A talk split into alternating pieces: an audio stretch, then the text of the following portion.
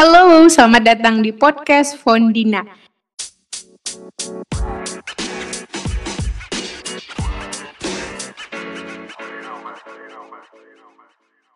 Uh, pada episode kali ini, kedatangan tamu yang sangat istimewa, Ibu Nima Gandhi Sanjiwani. Selamat malam, Bu Gandhi.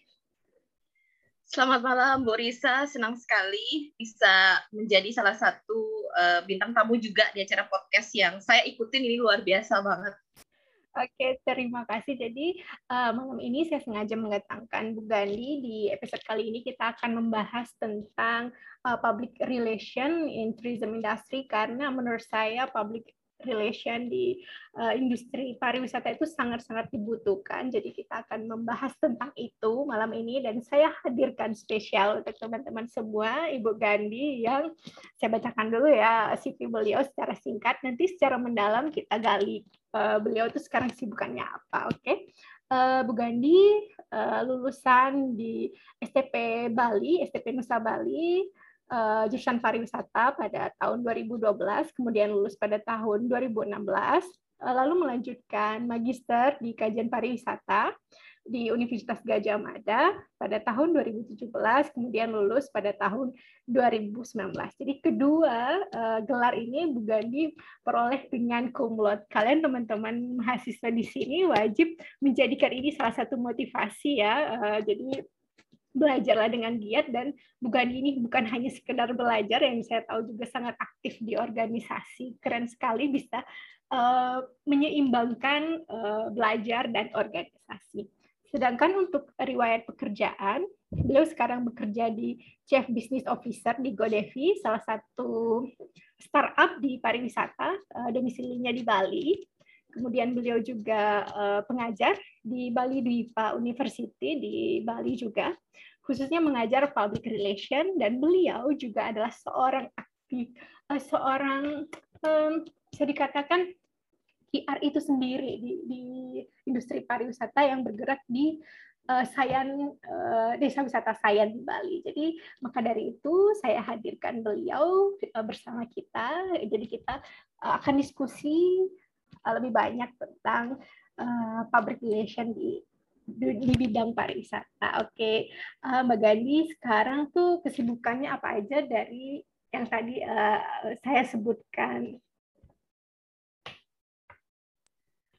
Baik, terima kasih uh, Bu Risa. Ini luar biasa. Ini uh, beliau adalah salah satu teman dan sahabat kebetulan kami sama-sama dari alumni UGM ya uh, akhirnya bisa berdiskusi di sini. Saya senang banget luar biasa energi positifnya. Uh, terima kasih uh, Bu Risa beliau juga dosen ini. Jadi kita akan banyak sekali hal yang bisa kita perbincangkan. Jadi kesibukan saya saat ini tadi sudah disampaikan oleh Bu Risa ya betul. Sebelumnya juga dari UGM seperti itu sama seperti Bu Risa. Dan sekarang aktif mengajar uh, saya mengampu mata kuliah komunikasi organisasi. Jadi itu yang saya uh, saat ini sedang uh, kerjakan. Selain uh, di Bali Dwipa University, uh, itu adalah salah satu kampus di Bali, uh, dan saat ini juga saya aktif sebagai uh, Chief Business Officer di GoDevi, sebuah startup yang concernnya memang di desa-desa wisata yang ada di Bali khususnya dan juga di Indonesia. Uh, selain itu juga selain aktivitas itu juga aktif di desa, desa sendiri, ini di tanah kelahiran, saya mencoba kembali, ingin memberikan sesuatu, uh, berkontribusi nyata lah, kurang lebih seperti itu terhadap tanah kelahiran sendiri, sehingga uh, saya memberanikan diri untuk terjun bergabung di lembaga Pokdarwi sebagai wakil ketua Pokdarwi, seperti itu. Dan sampai saat ini memang satu-satunya wanita di kelembagaan itu. Jadi uh, banyak hal mungkin yang menarik yang bisa kita ceritakan nanti, bisa kita perbincangkan dan semoga ini juga menjadi tidak hanya menjadi um, model pembelajaran atau uh, diskusi yang bisa memberikan wawasan atau edukasi, tapi juga membangkitkan motivasi dan semangat teman-teman terutama masa pandemi seperti ini ya Bu ya. Ya, sangat-sangat diharapkan seperti itu ke depannya, Bu. Apalagi uh, nanti pendengar-pendengar di sini adalah mahasiswa saya sendiri. Halo teman-teman mahasiswa dari UPN. Jadi uh, saya sangat berharap banyak teman-teman uh, bisa belajar banyak dari Bu Gandhi. Jadi uh, lebih ke praktisinya ya. Jadi kita nggak bahas teori lagi di sini. Jadi kita akan membahas implementasi dari uh, PR itu seperti apa di lapangan khususnya di industri pariwisata. Oke Bu Gandhi, jadi um, sedikit pembahasan awal menurut Gandhi kenapa sih PR ini tuh uh, dibutuhkan di industri pariwisata? Sedangkan kita tahu kan umumnya PR itu dibutuhkan di perusahaan-perusahaan besar yang memang skopnya lebih lebih lebih lebih luas ya. Sedangkan industri pariwisata bukannya bukan luas tapi industri pariwisata punya skop masing-masing. Sedangkan di satu desa ada satu desa satu desa uh, dan mereka rata-rata pengelolanya tidak begitu banyak. Sedangkan untuk perusahaan mereka sudah punya skop yang panjang, mereka punya donatur, mereka juga punya investor dan segala macam. Jadi menurut uh, Bu Gandhi, kenapa sih hmm, PR ini penting di industri pariwisata? Ya, uh, terima kasih Bu Risa atas pertanyaannya. Ya, um, isu tentang public relation dan ketika dikaitkan dengan industri pariwisata, menurut saya ini isu yang vital sekali, vital sekali terutama uh, di situasi yang menurut saya ini adalah current issues ya Bu saya. Ketika kita bicara public relation kemudian di sana ada tourism dan di sana juga ada krisis ada krisis di situ. Uh, tadi pertanyaannya kenapa uh, public relations itu penting? Mungkin kalau di industri-industri pada umumnya di perusahaan-perusahaan besar ini hal yang sudah biasa seperti itu. Tapi ketika berbicara industri pariwisata mungkin uh, eh, PR lebih banyak memang kita lihat di industri-industri skala kecilnya di hotel mungkin seperti itu banyak ada PR di situ. Kemudian kita bisa juga lihat di model uh, restoran atau rumah-rumah makan skala besar dengan uh, berbagai macam grup gitu misalnya yang dikelola oleh swasta dan seterusnya. Tapi ketika berbicara memang industri pariwisata dari konteks destinasi misalnya PR ini masih sedikit belum cukup banyak diketahui bagaimana perannya dan juga peluang pekerjaannya. Padahal ini sangat penting sebetulnya ya. Nah, oke kita kembali sedikit. Kenapa PR itu penting untuk industri pariwisata? Kita tahu bahwa uh, industri pariwisata itu adalah uh, sebuah industri yang paling rentan terhadap yang namanya krisis dan isu. Itu yang pertama. Yang kedua, industri pariwisata adalah sebuah industri yang melibatkan stakeholder. Jadi memang dia kompleks model industrinya jadi uh, ada dua hal yang bisa kita lihat di situ. Pertama, dengan dia paling rentan terhadap krisis dan juga isu-isu yang berkembang begitu cepat, maka sangat dibutuhkan seorang PR, public relations, yang mempunyai tugas untuk uh, membuat atau mengemas strategi komunikasi untuk bisa mempertahankan citra atau reputasi dari sebuah destinasi.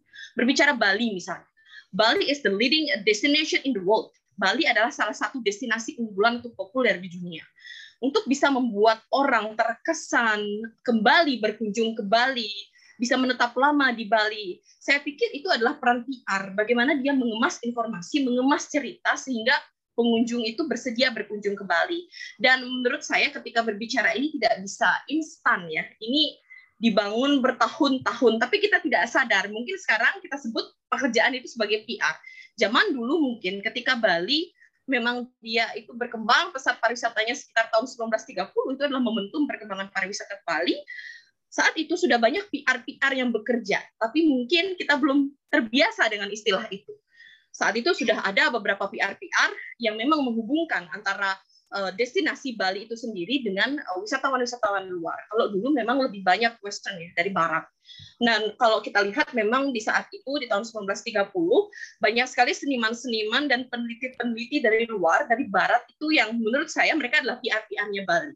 Michael Kovarobias kalau teman-teman pernah baca buku bagaimana dia menggambarkan Bali dari sudut pandang atau perspektif um, seorang ilmuwan seni seperti itu atau Ari Smith seorang pelukis Belanda bagaimana dia mencoba menggambarkan Bali. Dari uh, karya-karya lukisannya hingga Bali itu sampai menjunjung itu itu PR sebetulnya ketika kita kan, kan sekarang gitu berbicara sekarang misalnya hubungan yang sekarang. Sekarang kita tahu bahwa Bali mengalami dan tidak hanya Bali ya, dunia kita saat ini sedang mengalami krisis uh, global, krisis kesehatan global.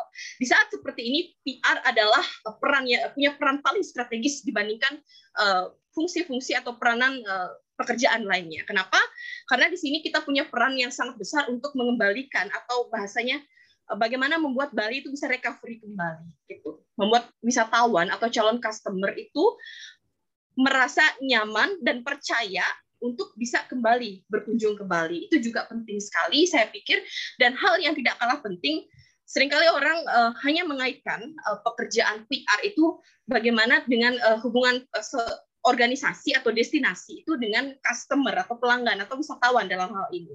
Tapi jangan lupa juga seorang PR juga punya peran bagaimana menjaga hubungan dengan stakeholder yang ada gitu. Banyak kita tahu mungkin Bu Risa juga sudah banyak uh, memahami atau belajar gitu. Banyak destinasi-destinasi yang gagal karena mereka tidak bisa menjalin partnership di antara stakeholdernya dan di situlah peran PR sebetulnya harus ada bridging yang bisa menghubungkan bagaimana menjalin komunikasi sehingga di antara stakeholder ini baik akademisi, organisasi pemerintah dan seterusnya itu bisa terjalin dengan baik. Mungkin itu Bu eh, yang bisa saya berikan sedikit pandangan seberapa penting sih PR dalam industri pariwisata. Ya, saya setuju sekali Bu Kandi. Karena seperti kita tahu ya, pasti teman-teman yang sudah bergerak di industri pariwisata tahu bahwa uh, industri pariwisata itu cukup kompleks. Apalagi kita menyatukan kepala ya di sini dan uh, setiap orang tuh punya kepentingan masing-masing dan memang PR itu di situlah fungsinya bagaimana kalian bisa jadi penengah antara satu atau dua tiga pihak nantinya dan bisa menyampaikan apa sih maksud pihak ini apakah bisa diterima oleh pihak B apakah jadi menyatukan semua stakeholder tadi. Dan saya itu sangat setuju itu adalah fungsi yang sangat krusial ya Mbak. Jadi saya juga menemui banyak beberapa desa wisata yang gagal khususnya di daerah saya di Sumatera itu.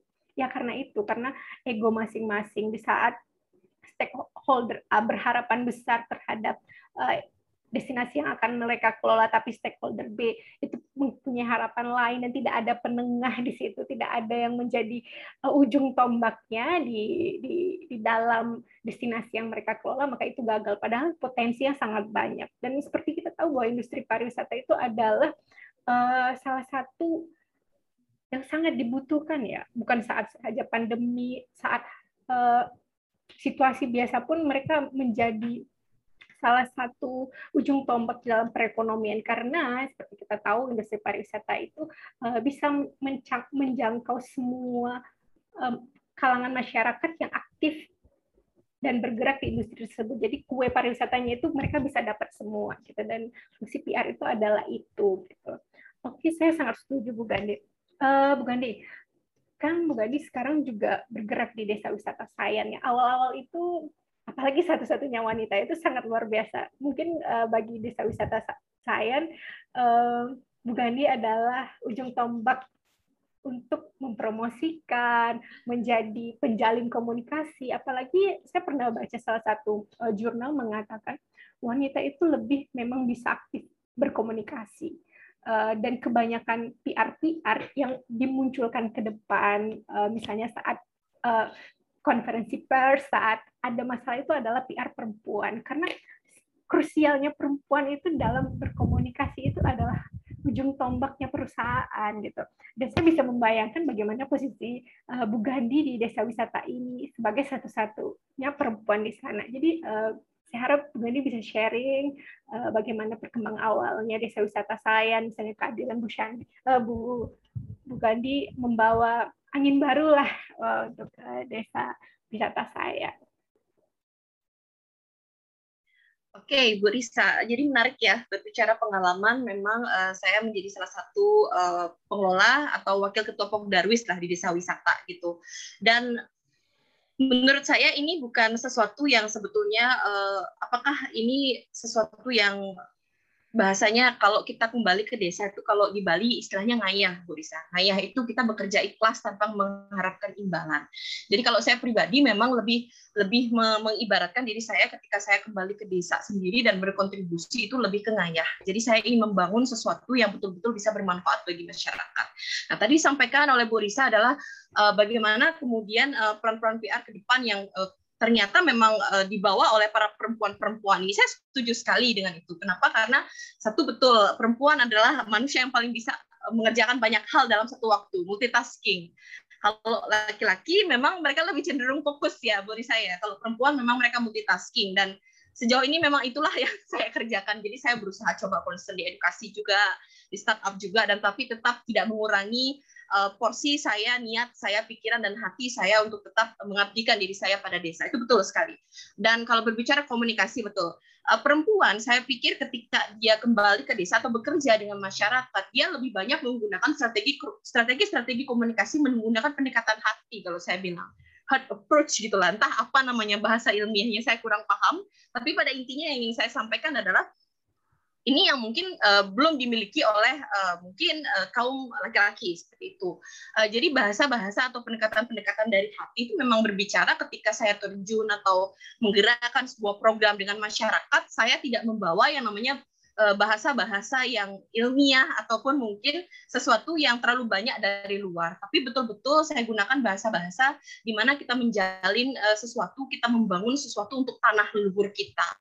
Kita meninggalkan sesuatu untuk anak cucu kita nanti. Itu yang selalu berusaha saya uh, tekankan kepada masyarakat bahwa apa yang kita kembangkan bersama ini nanti tidak lain dan tidak bukan manfaatnya akan diterima oleh nanti keturunan-keturunan kita ke depan, anak cucu kita ke depan seperti itu. Sehingga uh, ini pentingnya kita untuk menyamakan visi sebetulnya di awal. Karena sebagian besar desa-desa wisata yang gagal adalah justru ketika di awal sudah dijanjikan banyak hal gitu. Itu yang pertama. Yang kedua, money oriented. Kita terlalu berekspektasi tinggi, baru mendapatkan SK desa wisata atau misalnya baru uh, dideklarasi sebagai desa wisata, kita sudah berpikir profit terlebih dahulu dibandingkan uh, bagaimana kita mengembangkan uh, rasa kebersamaan, spirit of togetherness gitu. Kalau di Bali itu misalnya uh, untuk membangun sesuatu bersama. Nah, itu bahasa-bahasa seperti itu yang uh, saya sering gunakan di masyarakat tidak menjanjikan apa pun secara berlebihan, tapi kita bergerak dulu. Dengan kita bergerak, nanti kita akan bisa mendapatkan manfaat. Dan kebetulan untuk di desa Sayan sendiri, Bu Risa, jadi salah satu yang memang kita uh, kembangkan di sana, ini juga penting ya, uh, mungkin tips juga untuk para PR-PR yang mungkin bergerak di desa wisata, uh, mungkin yang aspek yang paling penting yang harus kita pahami apa yang menjadi keunikan dari desa wisata itu. Nah, untuk bisa menggali ini sebetulnya tidak bisa datang satu kali dua kali, tapi memang kita harus um, menelaah ini dalam waktu yang cukup panjang gitu. Banyak juga desa-desa yang belum bisa menemukan keunikannya dalam waktu satu tahun, dua tahun, bahkan mereka baru bisa menyadari keunikan itu dalam fase tiga empat tahun dan seterusnya. Dan ini juga kami alami di desa saya, karena biasanya uh, masyarakat itu sendiri uh, dia tidak sadar bahwa itu adalah keunikan gitu. Nah, ketika ada pihak-pihak eksternal yang datang, mungkin saya juga termasuk sudah uh, tidak murni internal karena saya cukup lama juga di luar seperti itu. Jadi, ketika saya datang, kemudian juga ada beberapa institusi yang datang di situ sehingga kami bersama-sama akhirnya bisa membuat kesepakatan bahwa keunikan dari desa wisata di Sayan adalah uh, tradisi kesenian lukisan yang artis. Itu satu-satunya di dunia. Living culture-nya cuma ada di desa Sayan seperti itu. Nah, dari sana inilah yang terus kami gerakkan. Bagaimana kami membangun spirit komunitas di sana. Dan bagaimana akhirnya ini bisa menjadi program yang tidak hanya untuk pariwisata sebetulnya, tapi program yang kita kembangkan atau kita sebut di Sayan itu program regenerasi yang juga diperuntukkan untuk masyarakatnya sendiri. Karena kalau kita lihat sekarang memang para maestro atau orang-orang yang bisa melukis aliran itu sudah tua-tua semua. Ini yang kita takutkan sehingga uh, jadi apa pun yang kita kembangkan di desa Sayan itu sifatnya tidak uh, top down gitu, tapi bottom up dari bawah dari hasil-hasil diskusi, komunikasi-komunikasi yang kita bangun antara satu sama lain dengan pendekatan-pendekatan hati itu tadi menurut saya itu penting ya. Dan bahkan kalau boleh saya sharing experience uh, itu adalah uh, salah satu tokoh di Ubud, beliau adalah Cokorde. Cokorde di Ubud, ini mungkin teman-teman juga sudah tahu uh, bahwa kalau sekarang kan pendekatan marketingnya itu 4.0 bahkan menuju 5.0 gitu ya Bu Risa. Nah, kalau pada saat itu pendekatan marketingnya itu masih 2.0 ya, 2.0. Apa itu 2.0? 2.0 itu adalah marketing dengan pendekatan hati. Jadi bagaimana ide Cokorde ketika itu benar-benar uh, menggunakan bahasa komunikasi pelayanan yang betul-betul menunjukkan karakter seorang masyarakat Bali tamu datang dari barat disediakan tempat istirahat tanpa perlu membayar. Itu adalah bentuk kontribusi. Harapannya nanti ketika teman-teman dari barat atau tamu-tamu ini datang, mereka bisa mengkomunikasikan Bali sehingga akan lebih banyak lagi turis yang datang. Itu pendekatan dari hati. Jadi saya pikir sampai sekarang itu masih bisa kita gunakan ketika kita uh, bekerja dengan komunitas atau masyarakat. Gitu, Bu Risa. Oke, terima kasih uh, Bu Gandhi. Jadi satu yang saya highlight ya dari penjelasan tadi barusan itu adalah PR itu bagaimana tetap membakar ya spirit kebersamaan itu, spirit visi kita. Jadi uh, menurut saya itu krusial PR apalagi di industri pariwisata yang gelombangnya cukup banyak. Waduh, yeah. naik turunnya banyak. Jika kalian tahu teori Butler itu bukan lagi ini lagi, tapi udah gini-gini dulu baru ke atas. Gitu. Iya, yeah, iya, yeah, betul-betul uh, itulah uh, kalau menurut saya memang memang sangat penting ya Bu Gandhi seorang PR tadi itu seperti apa ilmu komunikasi yang harus uh, mereka punya dan salah satu yang lagi yang saya menurut saya harus uh, dipunyai oleh teman-teman nanti praktisi pariwisata khususnya di bidang PR itu bagaimana mereka bisa mengkomunikasikan tanpa berpihak ke satu atau dua pihak saja gitu. Jadi mereka memang berada di tengah, memang benar-benar uh, fasilitator yang menurut saya uh, kacamatanya udah kacamata kuda gitu loh. Karena di depan itu visi misi mereka tadi sebagai destinasi pariwisata. Mereka udah nggak lihat kiri kanan itu udah eh, gelap. Mereka nggak eh, melihat eh, oh stakeholder A harus diutamakan oh, oh stakeholder B harus diutamakan. Enggak yang mereka utamakan adalah visi misi tadi gitu.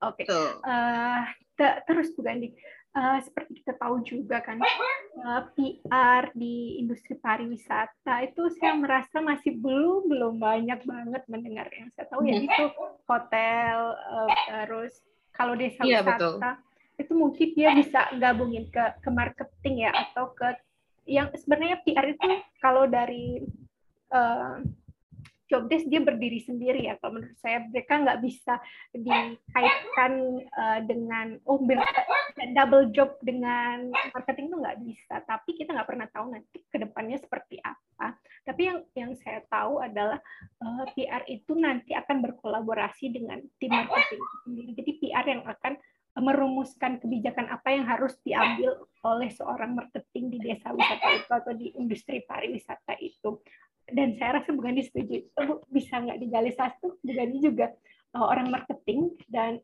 juga orang yang uh, bergerak di hubungan masyarakat.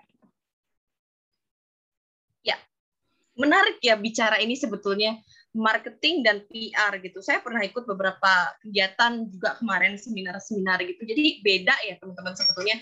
Tapi masih banyak yang menyatukan ya Buri saya. Mungkin karena memang uh, belum terlalu dipandang signifikan gitu uh, antara uh, PR, public relation dan marketing masih disatukan biasanya uh, pemahaman. Bahkan kadang-kadang juga ada pertukaran ya distorsi makna disamakan gitu. Kadang-kadang peran PR dan peran marketing sama. Jadi kalau kita boleh sedikit pinjam misalnya definisinya Jeff Jeffkins gitu misalnya dia menyebutkan di sana bahwa uh, public relations itu adalah uh, sebuah ilmu di mana dia punya peran di sana untuk menganalisis trends, memprediksi konsekuensi. Dia juga punya peran untuk sebagai konseling. Ini yang mungkin tidak dilakukan oleh marketing.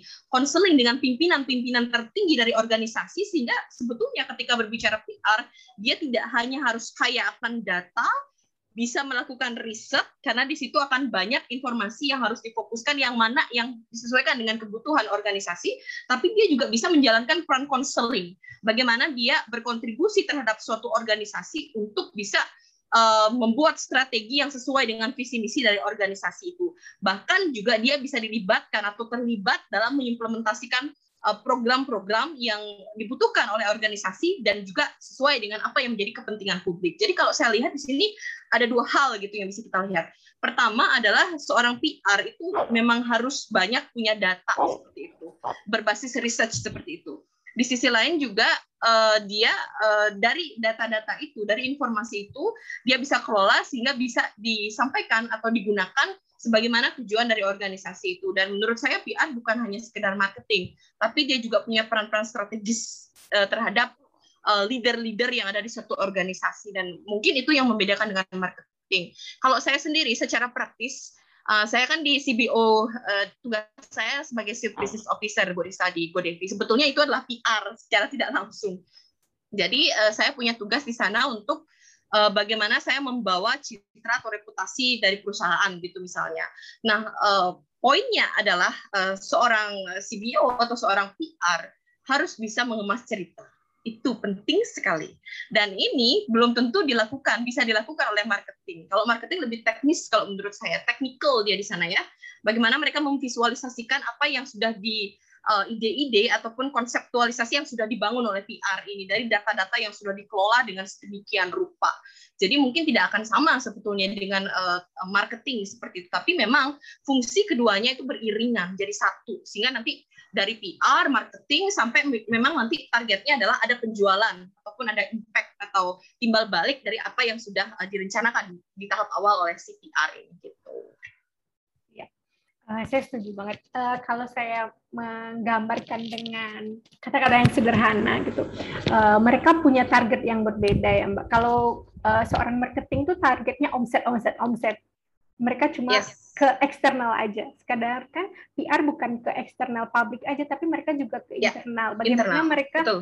menjalin, oh jangan sampai terjadi konflik nih di dalam, misalnya desa wisata saya antara pengelola itu juga juga jangan sampai terjadi konflik. Sedangkan marketing mereka nggak mikirin itu, mereka mikirin oh targetnya apa yang harus dicapai. Sedangkan PR tadi itu adalah mengemas bagaimana citra ini itu nggak boleh buruk, nggak boleh berubah sesuai dengan visi misi tadi gitu. Itulah sederhananya menurut saya uh, bedanya seorang PR dan seorang marketing. Tapi eh, PR memang harus menjalin kerjasama dengan marketing. Apa sih sebenarnya yang dibutuhkan oleh publik? Nah, mungkin marketing bisa mengemas itu melalui produk. Nah, nanti dari produk itu dikemas lagi oleh konten kreator. Nanti dikemas lagi. Oh bagaimana sih visualnya nanti di uh, di media gitu. Itu di, dikemas oleh konten kreator sedangkan kalau PR itu hanya uh, konsep ide. Oh masyarakat tuh butuh ini sedangkan perusahaan kita butuh ini. Mereka pure fasilitator gitu. Kalau menurut saya itu. Yes. dan saya yeah. juga banyak mendapati PR itu kerjanya banyak.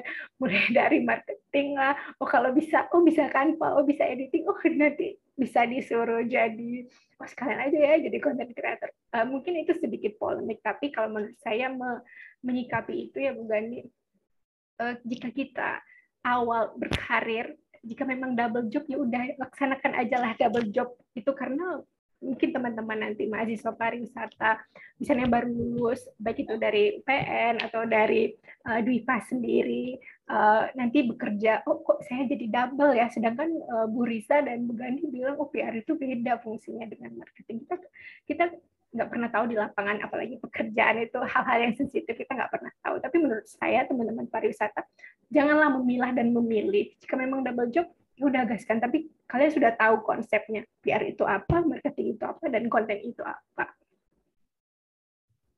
Ya setuju setuju sekali. Oke. Okay. uh, sekarang ini kita akan membahas tentang tips uh, seorang PR uh, mungkin ini bisa bukan ini bisa sharing dari pengalaman Godevi atau pengalaman mengelola desa wisata itu sendiri? Ya, uh, mungkin ini jadi bagian yang paling menarik ya Mbak ya. Um, tips gitu ya. Sebetulnya saya tidak punya tips khusus sih, tapi mungkin saya akan bagikan apa yang sudah saya jalani selama ini dan bagaimana impactnya terhadap hidup saya. Kalau saya berpikir dari sudut pandang saya sendiri, um, setiap orang itu bisa menjadi seorang PR, bahkan setiap orang adalah PR public relation di bidangnya masing-masing, di hidupnya masing-masing, di aspeknya masing-masing gitu. Uh, dan untuk bisa, namun untuk bisa menjadi seorang profesional PR, tentu kita harus memahami dulu apa yang menjadi uh, kelebihan kita. Karena saya percaya bahwa ketika kita menjadi seorang PR, kita akan berhubungan dengan banyak orang, dengan banyak eh, instansi, dengan banyak stakeholder. Maka citra perusahaan, citra kita itu merepresentasikan citra perusahaan. Itu yang saya pelajari selama ini. Sehingga tidak hanya penting untuk membangun bagaimana apa yang apa yang sudah dibangun oleh perusahaan atau organisasi, hal-hal baik apa yang akan dikembangkan dan sudah dilakukan, tapi juga penting untuk membangun citra kita sendiri terlebih dahulu Isti, untuk bisa relate. Uh, saya potong sedikit istilahnya yeah. uh, seorang PR itu punya personal branding ya gitu ya. Yes, true. Yes simpelnya ya. Saya setuju sih. Ya. Ya, ya benar-benar. Benar-benar benar Bu. Uh, personal branding ya, itu adalah uh, istilah yang bisa menyederhanakan bahasa saya tadi. Jadi penting sekali bahwa kita sendiri adalah uh, ekosistem dari brand yang kita bawa, dari perusahaan yang kita bawa. Sehingga sangat penting juga teman-teman untuk bisa menjadi seorang PR yang profesional, PR yang baik, bahkan mungkin nanti sukses dalam meniti karir. Jangan lupa juga untuk membangun citra kita sendiri atau disebut tadi oleh Bu Risa personal branding. Bagaimana kita membangun itu? Personal branding tidak hanya terkait tentang profesi tapi reputasi. Reputasi itu dibangunnya bertahun-tahun. Kita ini ahli di bidang apa? Konsistennya di bidang apa? Keunggulan kita di bidang apa? Misalnya bicara pariwisata, teman-teman mahasiswa yang ada di UPN. Pariwisata ini banyak sekali. Mungkin PR juga tidak hanya PR hotel, mungkin ke depan akan banyak eh, berkembang unit-unit PR lain di sektor pariwisata itu sendiri. Maka temu kenalilah apa yang menjadi keunikan passion teman-teman di sana dan itu yang terus dikembangkan secara konsisten. Karena untuk bisa diakui ahli di bidang itu butuh waktu yang panjang membangun reputasi itu. Saya pikir itu uh, yang penting juga untuk di, uh, di, dijadikan catatan atau poin dan kalau bisa memang uh, apa yang difokuskan itu dulu satu yang dibangun. Misalnya saya saat ini memang dari awal saya berusaha membangun atau belajar tentang uh, pariwisata berkelanjutan, misalnya seperti itu. Sampai saya berkarir sekarang pun di Godevi, kenapa saya memilih bergabung dengan Godevi? Godevi adalah pendekatannya juga pariwisata berkelanjutan, yang mana desa wisata pembangunan CBT atau community based tourism. Sehingga itu linier, sehingga pada akhirnya itu yang membuat orang akan lebih mudah ingat siapa sosok yang berbicara itu akan lebih biasanya dipercaya ketika memang kita konsisten di sana dan kita bisa berkontribusi di bidang yang kita uh, resapi atau kita uh, geluti seperti itu mungkin teman-teman yang bisa saya bagikan dan juga yang terakhir uh, ketika berbicara PR itu sendiri tipsnya adalah bukan seberapa banyak orang yang kita kenal tapi seberapa banyak orang mengenal kita. Itu juga penting sekali untuk bisa menjadi PR yang sukses mungkin di masa depan, sehingga punya keunikan, punya keunggulan, uh, tahu apa yang kita ingin sampaikan kepada publik, bagaimana kemampuan kita mengemas cerita yang tidak biasa, karena sekarang sudah tidak bisa lagi biasa-biasa saja, anda harus punya cerita yang luar biasa, Anda harus bisa mengemas cerita organisasi, destinasi, daya tarik wisata Anda dengan luar biasa sesuai dengan tren yang saat ini terjadi dan sesuai dengan perkembangan yang saat ini terjadi. Mungkin itu Bu Risa yang bisa saya berikan tips. Ya, uh, terima kasih Bu Gadi. Saya setuju sekali. Uh, bukan hanya PR saja ya yang punya personal branding. Saya harap semua teman-teman mahasiswa siapa pun kalian pendengar di sini memang memang harus punya personal branding. Dan saya juga melihat konsistensi adalah kunci dari personal branding. Misalnya, oh saat orang menyebut Bu Gandhi sudah ada yang dia pikiran, oh Godevi gitu. Misalnya saya kalau ingat Bu Gandhi itu yang saya ingat adalah Godevi. Misalnya, oh saat uh, orang ingat Fundina Gusti itu siapa? Oh, misalnya siapa? Kita nggak pernah tahu. Tapi saya konsisten. Misalnya saya pengen oh goal saya ke depan adalah saya aktif menulis oh goal, goal saya ke depan nanti saya aktif begana begini itulah yang kalian harus temukan jadi di saat orang sudah menemut menyebut nama kalian oh si A oh sudah sudah ada pikiran mereka tuh oh si A adalah ini profesinya, oh adalah ini orangnya gitu. Uh, dan bangunlah itu karena kita nggak tahu ya industri ke depan itu pasti berkembang, apalagi sosial media. Dan salah satu langkah yang bisa kalian manfaatkan adalah sosial media gitu. Bukan setuju kan? Uh, semua orang tuh sekarang kalau cari CV tuh nggak perlu lah CV yang panjang, oh, cukup sosial media, misalnya LinkedIn uh. atau enggak uh, Facebook, Instagram. Jadi kalau menurut saya teman-teman mahasiswa manfaatkanlah dengan bijak bersosial media lah dengan bijak karena sosial media itu adalah salah satu wadah untuk personal branding kalau menurut saya pribadi gitu.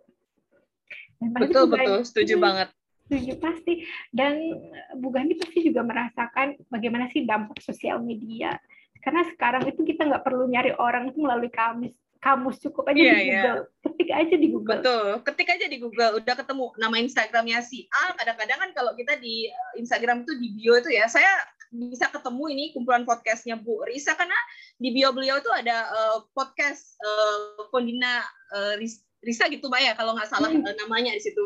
Dan saya klik itu, saya cukup sering loh dengerin Bu Risa beberapa podcast-podcast beliau, uh, terutama terkait beasiswa. Beliau ini juga kalau nggak salah alumni dari LPDP luar biasa dan juga banyak banget tips-tips tentang buku. Saya ikutin banget itu podcast-podcast. Jadi itu udah termasuk bagaimana beliau sukses membangun personal branding di spesifikasi itu dan menurut saya benar sekali sosial media sekarang jangan lagi kita gunakan hanya untuk uh, memposting uh, personal life kita tapi juga bagaimana kita bisa membangun citra diri kita di sana dengan kualitas ataupun kemampuan yang kita miliki gitu ya Bu ya kurang lebih. Mm, ya saya juga gitu Bu karena uh, kita nggak tahu ya namanya teman-teman mahasiswa berada di umur yang eh, kita pernah lah berada di posisi-posisi mereka. Iya iya iya. jadi itu sebuah uh, nasihat ya buat teman-teman mahasiswa dari kita yang sudah berumur, eh, kita yang sudah agak tua, jadi bijaklah yeah. Iya. menggunakan sosial media karena seperti kata netizen di Twitter itu uh, jejak sosial itu berbahaya dan kalian harus menanamkan itu.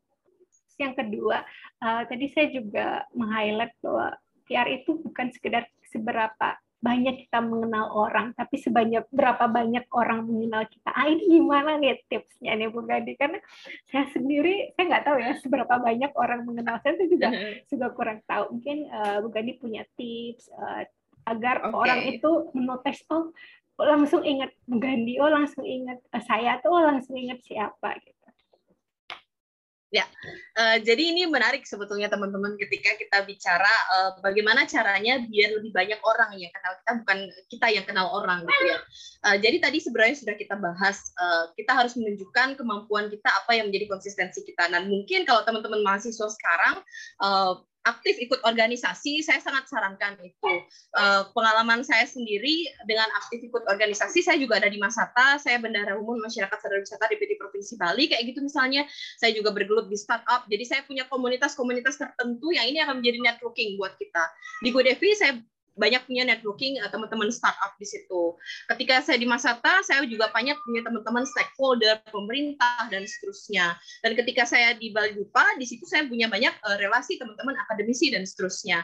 Sehingga ketika kita bisa mengembangkan diri kita sesuai, tapi sekali lagi uh, sesuaikan aktivitas kita di organisasi ataupun di mana pun dengan visi kita, mimpi kita, apa yang menjadi Eh, tujuan kita ke depan. Saya ingin menjadi ahli di bidang ini gitu. Maka ikutilah juga organisasi atau komunitas-komunitas tertentu yang sesuai dengan visi atau mimpi kita. Sehingga saya pikir eh, itu tidak hanya membuat Anda akan lebih banyak punya networking di situ, tapi juga secara tidak langsung akan membuat Anda lebih banyak belajar wawasan, pengetahuan, bertemu orang-orang baru yang saya pikir mereka juga kaya akan experience yang bisa menambah uh, informasi, bahkan juga menambah pengetahuan dan juga bisa jadi membuka pintu Anda untuk bisa sukses berkarir di bidang-bidang itu. Gitu sih menurut saya, Bu Risa.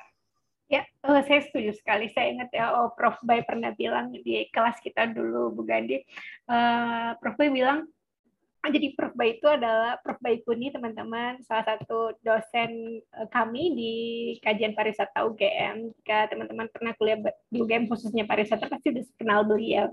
Uh, beliau mengatakan investasi yang cukup murah dan jangka panjangnya benar-benar dipakai adalah relasi. Jadi relasi itu adalah investasi teman-teman. Kita nggak pernah tahu suatu hari saya butuh Bu Gandhi, suatu hari saya butuh teman-teman. Jadi bagaimana caranya teman-teman itu menjaga komunikasi. Kita kan bukan uh, harus setiap hari saya WA Bu Gandhi apa kabar kan nggak mungkin setiap hari. Uh, jadi bagaimana saya menjalin relasi dengan Bu Gandhi, bagaimana saya menjalin relasi dengan teman-teman pariwisata, saya selalu menekankan kita nggak pernah tahu kehidupan 10 atau lima tahun ke depan. Mungkin bisa jadi saya butuh teman-teman teman-teman pendengar di sini. Jadi eh, maka dari itu jalinlah relasi sebaik mungkin. Uh, dan saya juga setuju jika teman goalsnya menjadi A misalnya menjadi seorang peneliti di industri pariwisata fokuslah di sana bergabunglah dengan komunitas-komunitas peneliti uh, bicarakanlah dengan dosen bu eh, ada yang bisa saya bantu? Kadang-kadang beberapa mahasiswa itu tidak berani berkomunikasi bu Gandhi. Mungkin saya dulu juga pernah mengalami hal seperti itu karena mungkin merasa tidak percaya diri atau uh, merasa canggung merasa takut lah. Jadi itulah yang harus kalian hilangkan terlebih dahulu. Komunikasikan dengan dosen oh uh, kalian melihat oh Bu A itu concernnya sama dengan saya ajaklah Bu A itu berdiskusi, jalinlah relasi dengan Bu A tersebut. Dari situ kalian akan menemukan koneksi. Misalnya Bu A itu tidak bisa membantu, pasti Ibu itu akan uh, melempar ke relasi dia yang lain. Jadi jangan pernah takut teman-teman. Apa pun itu kejarlah mimpi kalian dan dicicil. Kalian harus punya target. Misalnya target tahun ini apa, target tahun depan apa. Saya sangat berharap teman-teman mahasiswa, khususnya mahasiswa saya di UPN itu mempunyai itu. Goalsnya itu ada gitu. Eh, dan uh, saya setuju juga terkadang apalagi di pariwisata itu uh, ilmu yang sangat penting itu adalah ilmu di lapangan. Bu Gani setuju nggak? Uh, karena di lapangan itu pasti medannya beda-beda sekali. And mungkin Bu Gani bisa cerita sedikit lah perbedaan uh, ilmu yang diambil di kelas, oh ilmu yang di lapangan, gitu biar memotivasi teman-teman mahasiswa untuk tidak hanya fokus ke teori, tapi uh, implikasi di lapangan itu penting. Oke, okay, menarik teman-teman ketika bicara memang uh, di lapangan tidak semudah uh, konsepnya ya. Dulu saya uh, mikir uh, masih kayak setengah-setengah percaya dan tidak percaya sebelum turun di lapangan. Tapi setelah di lapangan saya merasakan luar biasa memang luar biasa perjuangannya. Jadi memang betul teman-teman apa yang disampaikan oleh Bu Risa ketika kita di lapangan memang perubahan-perubahan itu terjadi begitu cepat, dinamikanya tinggi sekali. Kita berhadapan dengan masyarakat yang punya budaya yang berbeda, mungkin tidak akan sama uh, dengan apa pendekatan-pendekatan yang sudah diberikan di kelas-kelas. Apalagi misalnya ketika berbicara, misalnya teori community based tourism itu pendekatan dari Barat misalnya. Ketika dia dibawa ke komunitas tertentu atau di Bali misalnya ke desa-desa wisata yang ada di Bali, tidak selalu mudah seperti uh, apa yang uh, disebutkan secara konseptual. Uh, tapi yang kita perlu pahami adalah uh, bukan kesulitan itu, tapi apa yang bisa kita lihat, solusi apa yang bisa kita kembangkan dari masalah yang berkembang di masyarakat. Sedikit cerita teman-teman saya berbagi. Jadi dari sebagian besar desa-desa wisata yang kami dampingi dari Godevi di Bali itu memang secara garis besar ketika berbicara CBT itu kan spiritnya adalah demokrasi ya, partisipasi. Jadi bagaimana mereka bisa Eh, saling berdiskusi, eh, berkomunikasi antara satu kelompok dan kelompok yang lain sehingga eh, demokrasi itu jalan, ada sebuah keputusan kolektif yang diputuskan bersama dan seterusnya. Tapi permasalahannya ketika kita kembali ternyata budaya masyarakatnya tidak selalu bisa menerapkan itu karena kalau kita balik sedikit, Bali itu adalah salah satu pulau dengan sistem sosial terkompleks di dunia. Di sana tidak hanya ada desa, dinas, tapi juga ada desa adat, kemudian dipecah lagi ada banjar-banjarnya, kemudian di sana juga ada organisasi subaknya seperti itu dan seterusnya. Itu masih banyak lagi uh, struktur sosial yang ada di Bali. Hal ini kemudian akhirnya juga tidak semudah itu untuk bisa menerapkan konsep CBT yang ada di desa-desa di Bali. Jadi individual konflik interest itu masih tinggi sekali. Sehingga kita ketika kita masuk ke desa memang tidak bisa langsung secara ideal menerapkan sebuah konsep gitu. Tapi kita memang harus um, sering-sering berkomunikasi dengan mereka, datang ke mereka beberapa kali, memahami, lebih banyak mendengarkan teman-teman. Listening is very important ketika kita kerja dengan masyarakat, dengarkan mereka, apa yang menjadi masalah mereka, apa yang menjadi kesulitan mereka, di bagian mana mereka tidak bisa dengarkan. Eh, dan setelah itu barulah kita berusaha untuk eh, memberikan apa yang bisa kita perbantukan di sana. Hal-hal sederhana saja dulu, hal-hal kecil saja dulu. Jangan langsung ke hal-hal besar yang nampaknya itu ideal gitu. Hal-hal sederhana lama-lama ini akan terus berkembang sehingga proses itu terjadi dan itu akan menjadi hal yang bisa mencapai apa tujuan dari desa wisata itu sendiri. Mungkin itu teman-teman. Ya, uh, terima kasih Bu Gandhi. Pembahasan kita sangat-sangat menarik sekali malam ini. Saya uh, merasa saya sendiri, saya pribadi belajar banyak hal dari uh, diskusi kita malam ini. Uh, jadi uh, saya simpulkan saja ya Bu Gandhi karena uh, pembahasan kita sudah selesai, saya simpulkan saja. Buat teman-teman uh, yang sekarang sedang belajar PR, sedang menggeluti industri pariwisata, atau teman-teman di luar sana yang uh, ingin mengetahui apa sih PR di industri pariwisata, ya itu memang sangat-sangat dibutuhkan ya teman-teman. Seperti yang tadi Bu Gandhi telah utarakan, industri pariwisata itu sangat kompleks, apalagi semua stakeholder itu uh, berintegrasi di sana, ikut campur di sana. Jadi fungsi PR itu sangat penting dan saya juga berharap ya Bu Gadi ke depan hmm, kementerian itu mengkhususkan ya adalah uh, sosok PR itu uh, di industri pariwisata gitu. Betul betul betul. Jadi itu biar semua nggak campur aduk.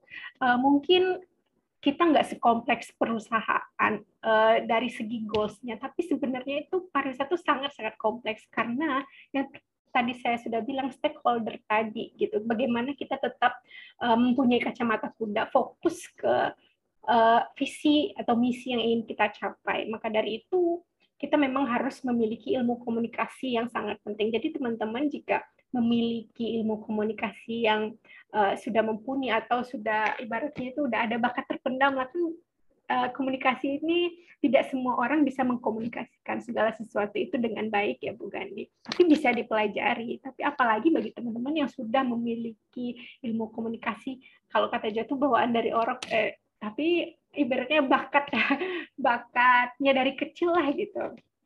Nah, itu sangat-sangat penting di dalam uh, public relation di industri pariwisata. Semoga ya kita lihat aja lima tahun ke depan bisa jadi kita diskusi lagi nih Bu Gandhi kita wah kita pernah diskusi ini di podcast. Iya iya betul betul betul. Kita nggak pernah tahu kan ke depan seperti apa dan uh, anggap aja ini adalah uh, titik pembicaraan kita di uh, apa sih public relation di industri pariwisata. Kita nggak bicara hotel lagi karena hotel adalah uh, perusahaan yang memang investornya udah ada ya. gitu. Apalagi ya, ya. kita kita bicara desa wisata, wah desa wisata tuh ribuan teman-teman saya nggak tahu ya berapa ya di di Jogja aja tuh udah puluhan ribu kayaknya.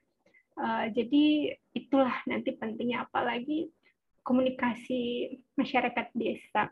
Eh bukan saya uh, jika saya ada kata yang salah nanti bisa dikoreksi aja bukan di dalam penyampaiannya uh, pasti masyarakat desa dengan latar belakang pendidikan yang beragam uh, itulah fungsi PR bagaimana betul. pioner tadi misalnya taruhlah ketua dari desa wisata itu bisa mengkomunikasikan dengan masyarakat yang beragam kepala beragam latar eh, belakang pendidikan. Itu bisa uh, mengikuti visi misi atau tujuan dari ketua desa wisata tadi. Karena uh, di desa wisata hal yang tertinggi atau pimpinan yang tertinggi adalah ketua desa wisata ya Bu Gandhi.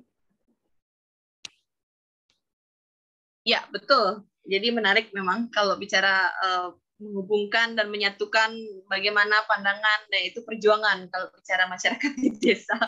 Jadi memang butuh pendekatan khusus kalau bicara PR di professional industry mungkin mudah ditemukan gitu. Tapi kalau bicara memang konsep eh, di desa wisata gitu, mungkin nanti saya dan Bu Dina ini yang, uh, sorry, Bu Risa ini yang akan uh, mengembangkan kayaknya Bu ya, bagaimana PR uh, seorang PR di konteks desa wisata karena yang kita hadapi adalah masyarakat desa yang punya latar belakang pengalaman yang tidak uh, sama dan mereka punya mindset dan budaya yang berbeda ini tentu tidak akan sama dengan profesional industri yang sudah seperti kita lihat pada umumnya. Iya, oke, okay. uh, oke okay, teman-teman, saya rasa itu pembahasan kita malam ini. Terima kasih Bu Gandhi atas waktunya.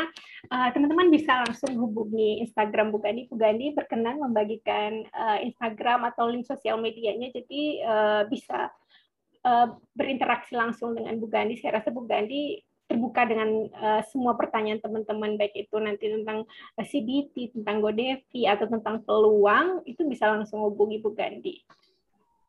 Ya, uh, baik uh, teman-teman semuanya, uh, teman-teman mahasiswa dan juga teman-teman yang lain, uh, silakan mari kita terkoneksi, mari kita berkolaborasi dan menjalin relasi di momen yang baik ini.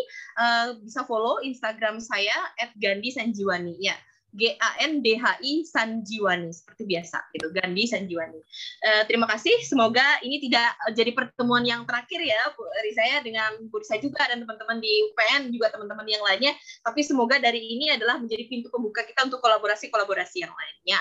Tetap semangat, jaga kesehatan, uh, jangan takut untuk mencoba, jangan takut untuk terus mengejar mimpi karena kita tidak pernah tahu uh, peluang apa yang kita akan uh, hadapi atau lihat ke depan. Terima kasih. Oke, terima kasih Bu Gandhi, uh, teman-teman. Saya harap uh, kalian memetik banyak hal dari diskusi kita pada episode kali ini. Terima kasih atas uh, waktunya Bu Gandhi.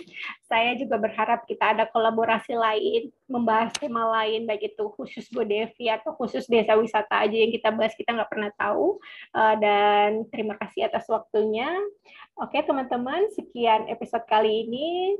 Uh, sampai jumpa di episode selanjutnya.